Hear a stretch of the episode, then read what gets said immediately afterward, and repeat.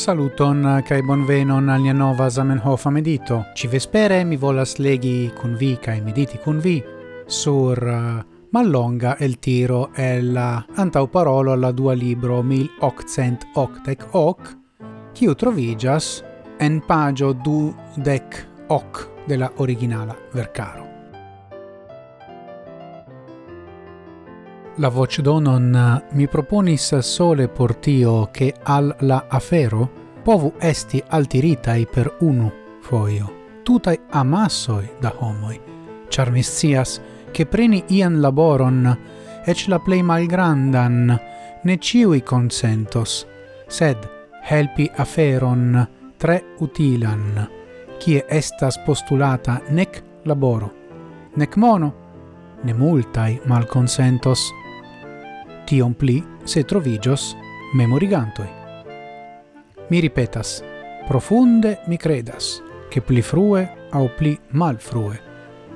Dec milionoi vocioi estos collectitai, cae tiel je uno bela tago nisciigios, che la lingvo internazia farigis tut monda. Sed, se ec la nombro del vocioi neniam venus al dec milionoi, la fero pro tio ci tute ne estos perdita. Carai subtenantoi cae amicoi de la medito serio, calcfoie ocasas al mi che pro la medito serio homoi supposas che mi credas il Zamenhof kiel representanto de la mistera forto sur la tero. Nu, bone, uh, mi ne uh, pri tio, sincere dirite.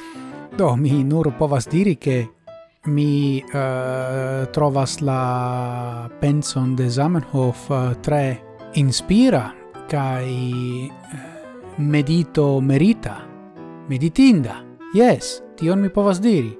Tutte compreneble Zamenhof eraris foie kai hodio mi volis legi tiun ci faman episodon pri la promesoi per cuponoi lerni la lingvon la fama e dec milionoi, kiui compreneble neniam realigis. Do estis... Uh, estis bella ideo facte, kai do eble iom naiva, sed tutte rara fin fine do. Do ni disigu la penson de iu tiste la homo. esas du aliai aferoi. Nu, Dankon pro via atento, gis morgau cae ciel ciam antauen sen fine.